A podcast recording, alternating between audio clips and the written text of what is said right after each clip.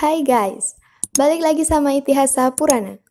Kali ini kita akan membahas kisah Hanuman, sang awatara Siwa, yang diyakini masih hidup sampai saat ini. Video kali ini membahas tokoh Hanuman, terutama dari sudut pandang Ramayana versi Walmiki dan Ramayana versi Tulasi. Ibu Hanuman bernama Anjani, seorang apsara atau bidadari yang dikutuk untuk turun ke bumi. Di bumi, ia memilih wujud Wanara sebagai rupa duniawinya. Versi Nusantara menyatakan bahwa Anjani adalah anak seorang bidadari dengan seorang resi bernama Gotama yang berubah menjadi Wanara karena berebut cupu Manik Astagina dengan dua saudaranya, yaitu Subali dan Sugriwa. Cupu Manik Astagina adalah sebuah cepuk atau kotak perhiasan yang konon bisa mengabulkan segala kehendak atau melihat pemandangan di belahan dunia mana saja. Dalam wujud wanara ini, Anjani ditaksir oleh Bayu, dewa angin yang akhirnya membuahinya. Versi lain mengatakan bahwa Anjani dibuahi oleh Siwa. Tapi apa pun versinya, kebanyakan versi mengatakan bahwa Siwa menitis kepada putra Anjani dan lahirlah seekor wanara kecil yang konon awalnya bernama Anjaneya. Ada beberapa versi mengenai kelahiran Hanuman. Hanuman lahir pada masa Treta Yuga sebagai putra Anjani, seekor wanara wanita. Dahulu, Anjani sebetulnya merupakan bidadari bernama Punji Kastala. Namun karena suatu kutukan, ia terlahir ke dunia sebagai wanara wanita. Kutukan tersebut hanya bisa berakhir apabila ia melahirkan seorang putra yang merupakan penitisan dari Siwa. Anjani akhirnya menikah dengan Kesari, seorang wanara perkasa. Bersama dengan Kesari, Anjani melakukan tapa ke hadapan Siwa agar Siwa bersedia menjelma sebagai putra mereka. Karena Siwa terkesan dengan pemujaan yang dilakukan oleh Anjani dan Kesari, ia akhirnya mengabulkan permohonan mereka dengan turun ke dunia sebagai Hanuman. Salah satu versi menceritakan bahwa ketika Anjani bertapa memuja Siwa, di tempat lain, Raja Dasarata melakukan putra kamayadnya untuk memperoleh keturunan. Hasilnya, ia menerima beberapa makanan untuk dibagikan kepada tiga istrinya, yang kemudian Hari melahirkan Rama, Laksmana, Barata, dan Satrugna. Atas kehendak Dewata, seekor burung merenggut sepotong makanan tersebut dan menjatuhkannya di atas hutan di mana Anjani sedang bertapa. Bayu, sang dewa angin, mengantarkan makanan tersebut agar jatuh di tangan Anjani. Akhirnya Anjani memakan makanan tersebut, lalu lahirlah Hanuman. Salah satu versi mengatakan bahwa Hanuman lahir secara tidak sengaja karena hubungan antara Bayu dan Anjani. Diceritakan bahwa pada suatu hari, Dewa Bayu melihat kecantikan Anjani. Kemudian ia memeluknya. Anjani marah karena merasa dilecehkan. Namun Dewa Bayu menjawab bahwa Anjani tidak akan ternoda oleh sentuhan Bayu. Ia memeluk Anjani bukan di dadanya, namun di dalam hatinya. Bayu juga berkata bahwa kelak Anjani akan melahirkan seorang putra yang kekuatannya setara dengan Bayu dan paling cerdas di antara para wanara. Sebagai putra Anjani, Hanuman dipanggil Anjaneya, yang secara harfiah berarti lahir dari Anjani atau putra Anjani. Dari beberapa versi ini, tidak ada yang menyebutkan bahwa Resi Durwasa juga menurunkan ilmu kepada Dewi Anjani untuk memanggil Dewa Bayu. Pada suatu ketika, Anjani sedang sibuk dengan suatu urusan, dan Anjaneya merengek minta makan. Dan Anjani menyuruh Hanuman mencari buah-buahan yang berwarna jingga. Entah karena alasan apa, Hanuman keliru. Mengira matahari itu semacam buah berwarna jingga yang sangat besar. Apalagi ketika ia melihat kalarau atau biangnya gerhana melintas untuk menelan matahari. Wanara kecil itu menghajar kalarau lalu berusaha menelan matahari. Kalarau yang kaget sekaligus kesal, ada monyet kecil yang mengacaukan siklus gerhana, akhirnya melapor pada Indra. Meski Kalarau dan Indra bermusuhan, tetapi Indra menindaklanjuti laporan Kalarau soal keberadaan monyet kecil kurang ajar yang hendak menelan matahari itu. Indra langsung melemparkan bajra atau tongkat petir miliknya kepada Anjaneya. Dan hantaman bajra itu membuat Anjaneya terhempas ke bumi. Bayu sempat kaget ketika melihat anaknya jatuh bebas dari angkasa. Dewa angin itu segera menangkap tubuh Anjaneya dan mendaratkannya di sebuah gua. Ketika tahu Anjaneya sudah tidak bernafas, Bayu marah besar.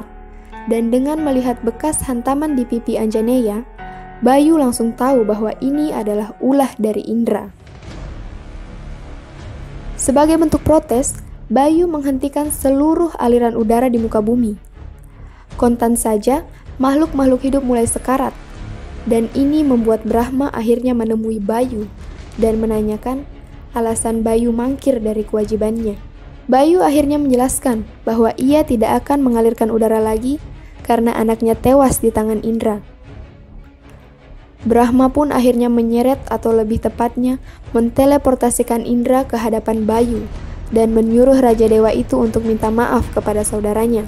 Bayu sendiri tidak terlalu ambil pusing dengan permintaan maaf Indra ia hanya ingin anaknya hidup kembali. Brahma akhirnya menghidupkan kembali Anjaneya. Namun, karena Wanara itu kini pipinya cacat akibat hantaman Bajra Indra, namanya dirubah menjadi Hanuman yang pipinya cacat.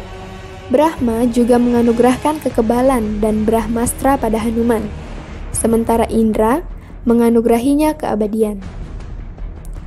Tetapi, Agar tidak mengancam keselamatan Surya atau Dewa Matahari lagi, Indra dan Brahma menghapus ingatan Hanuman soal kemampuannya yang bisa terbang.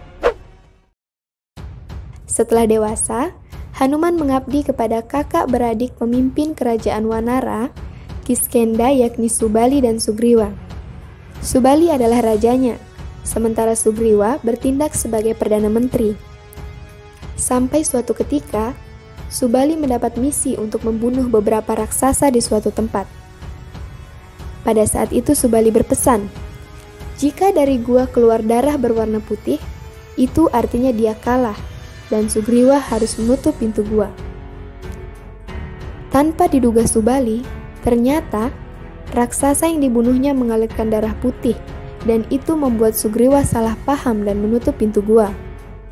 Akhirnya, Sugriwa kembali ke kerajaannya dengan penuh duka. Secara hukum, tahta kerajaan harusnya jatuh ke tangan Anggada, putra Subali dengan Tara. Tetapi, karena Anggada masih kecil dan dianggap belum layak memimpin oleh para tetua dan perwira, termasuk Hanuman, dengan kerajaan sepakat mengangkat Sugriwa menjadi raja. Sugriwa memerintah dengan cukup baik sampai suatu ketika Subali yang ternyata masih hidup muncul di depan Kiskenda sambil meraung marah. Lalu langsung menyerang Sugriwa yang dianggap pengkhianat. Hanuman berusaha menahan Subali, tetapi Subali tidak mau mendengar. Bahkan, ia akhirnya mengusir Sugriwa. Hanuman dan sejumlah besar dewan kerajaan akhirnya dianggap berkhianat. Sugriwa bersama Hanuman akhirnya masuk ke dalam rimba, membentuk sebuah kelompok kecil Wanara. Beberapa kali Subali menyerang, kelompok Sugriwa dan berkali-kali pula kelompok Sugriwa masuk lebih dalam lagi ke dalam rimba. Dalam hal kekuatan, Subali memang lebih kuat dan perkasa daripada Sugriwa. Selain itu, Sugriwa tidak pernah mengizinkan Hanuman beradu tanding dengan Subali, karena hak menantang seorang raja ada di tangan sesama raja, Sampai suatu ketika, Hanuman bertemu dengan Rama. Pertemuannya dengan Rama kemudian mengubah keadaan. Rama berhasil membunuh Subali. Akhirnya Sugriwa kembali bertahta. Dan sebagai balas budi kepada Rama, Sugriwa mengutus Hanuman, Jambawan, dan sekelompok wanara lainnya untuk mencari keberadaan Sinta. Rama memberikan cincinnya kepada Hanuman, saat Hanuman bertemu Sinta, Sinta akan mengenali Hanuman sebagai utusannya. Rombongan grup pencari itu diberi petunjuk oleh Sempati tentang letak Alengka. Ketika rombongan itu sampai di bibir pantai, para wanara pun kebingungan karena mereka tidak terbiasa berenang. Dan hanya beberapa orang dari mereka yang bisa melompat jauh Dan itu pun tidak aman karena salah-salah mereka bisa dikepung pasukan Alengka ketika mendarat di Alengka sana. Jambawan, satu-satunya beruang dalam kelompok grup pencari itu akhirnya memberitahu Hanuman bahwa ia bisa masuk ke Alengka tanpa terdeteksi dengan cara terbang. Butuh waktu agak lama bagi Jambawan untuk memulihkan amnesia Hanuman. Saat ingatannya pulih, Hanuman pun terbang melesat ke angkasa. Saat mendarat di Alengka, ia mengambil rupa sebagai seekor monyet kecil dan mencari Sinta ke sepenjuru Alengka.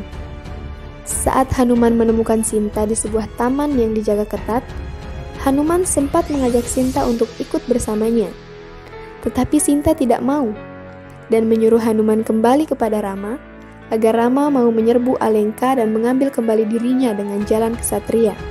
Jika tidak mau, sang suami atau ayah harus adu tanding dengan si penculik sampai salah satunya tewas. Aksi balas menculik seperti yang diusulkan Hanuman bisa dilakukan, tetapi agak memalukan. Pasca keluar dari taman tempat Sinta disekap, alih-alih menghadap Rahwana untuk menyampaikan tuntutan Rama, Hanuman lebih memilih cara kasar untuk menyampaikan tuntutan Rama. Ia mengamuk dan membunuhi para raksasa sehingga memaksa Indrajit, putra Rahwana, untuk membejenggunya dengan Brahmastra. Hanuman terbelenggu, dan para raksasa pun beramai-ramai mengarak Hanuman kepada Rahwana. Saat bertemu dengan Rahwana, Hanuman menyampaikan tuntutan Rama. Kembalikan Sinta, dan Paduka akan diampuni. Jika tidak, Alengka akan dihancurkan dan Sri Rama akan membunuh Paduka. Kontan saja Rahwana berang, dan ia pun mengabaikan status Hanuman sebagai duta dan menyuruh para tentaranya untuk membakar Hanuman. Perlu diketahui, di masa itu duta memiliki kekebalan diplomatik. Tidak peduli berapapun kerusakan yang ia timbulkan. Kesalahan fatal karena Hanuman sudah dijanjikan oleh Brahma bahwa takkan ada satupun senjata yang dapat menyakitinya, dan Indra menganugerahinya keabadian. Maka, yang terjadi adalah Hanuman lepas, dan dengan ekor yang terbakar, ia membakar rumah-rumah penduduk Alengka sebelum ia memadamkan ekornya di laut dan terbang kembali ke kelompoknya selagi Indrajit dan lainnya kerepotan memadamkan api di Alengka. Konon, pada saat Hanuman ada di Alengka, Hanuman pula lah yang membujuk Wibisana untuk berpaling kepada Rama alih-alih tinggal di Alengka. Karena Rahwana jelas-jelas tidak menunjukkan itikat baik, bahkan saudaranya Wibisana bergabung pula dengan Rama. Maka, pertempuran pun tak terhindarkan. Rama menuju Alengka, namun sekali lagi terhalang oleh lautan. Karena Baruna, Dewa Laut tidak bersedia melanggar hukum alam dengan membelah lautan, bahkan untuk seorang awatara Wisnu sekalipun, Hanuman dan para wanara lainnya akhirnya membangun jembatan yang menghubungkan daratan utama dengan Alengka.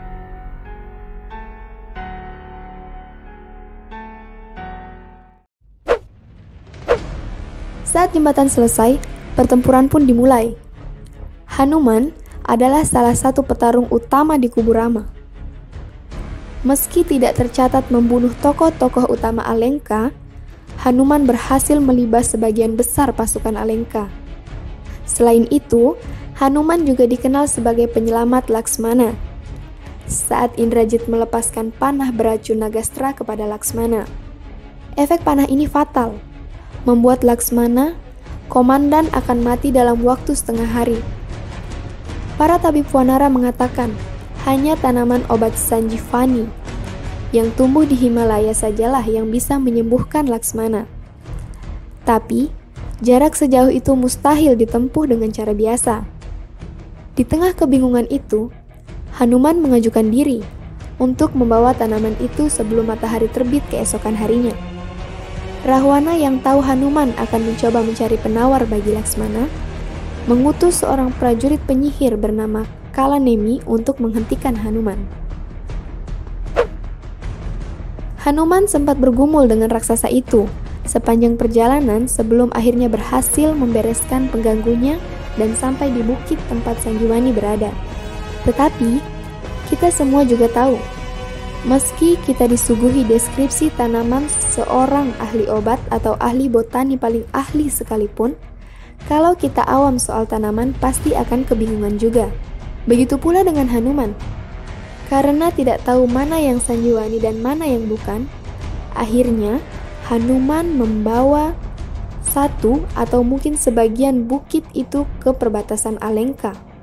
Laksmana kembali ke medan laga dan membunuh Indrajit, sementara Rama membunuh Rahwana.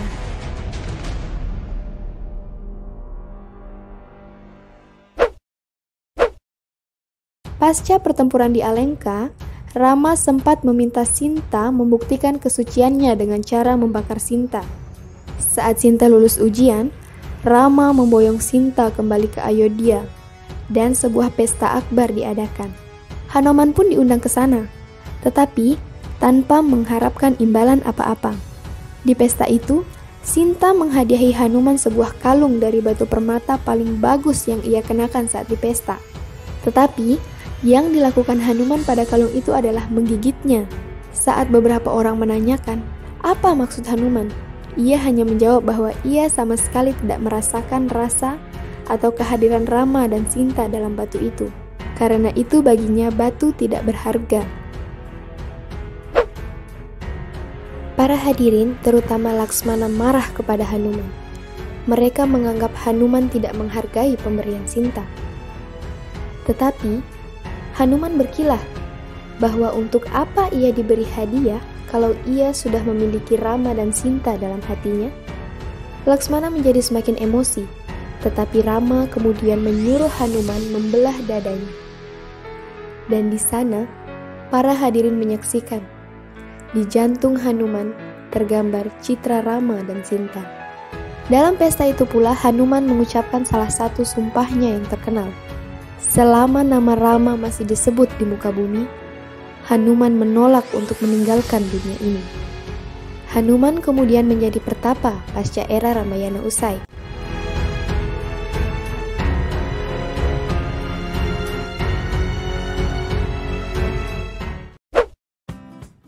Pasca Ramayana, Hanuman juga muncul di era Mahabharata, di mana ia pernah mengerjai Bima dan Arjuna. Bima pernah dikerjai saat ia tengah melintas di tengah hutan dan mendapati seekor kera putih besar tengah tidur-tiduran di jalan setapak yang akan dilewati Bima. Bima meminta Hanuman untuk minggir, tetapi Hanuman tidak mau dan menyuruh Bima melompatinya saja. Bima tidak mau melakukan hal itu karena hal itu dianggap tidak sopan dan akhirnya Hanuman mengatakan, "Kalau kau bisa angkat ekorku, aku akan minggir." Bima awalnya merasa ekor kera putih itu beratnya tidak seberapa, tetapi akhirnya merasa berat sekali saat mengangkat ekor itu. Akhirnya, kera itu memperkenalkan diri sebagai Hanuman, saudara satu ayah dengan Bima. Sementara Arjuna, kadang-kadang kebablasan sombongnya. Arjuna pernah sesumbar bahwa ia lebih hebat daripada Rama dan bisa membuat jembatan dari panah-panahnya tanpa minta bantuan para wanara. Hanuman pun menantang Arjuna untuk membuat jembatan panah, sementara Hanuman akan menguji kekuatan jembatannya. Jika Arjuna kalah, Arjuna harus menyembah Hanuman. Demikian pula sebaliknya. Saat jembatan selesai dan Hanuman berpijak pada jembatan itu, jembatan itu hancur lebur. Arjuna pun menghaturkan sembah pada Hanuman, namun Hanuman menolak sembah Arjuna.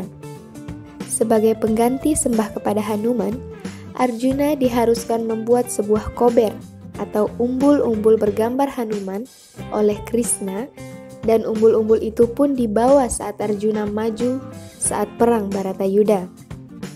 Hanuman konon turut masuk ke dalam umbul-umbul itu dan saat karena dikalahkan Arjuna, sosok Hanuman keluar dari umbul-umbul itu dan terbang ke angkasa.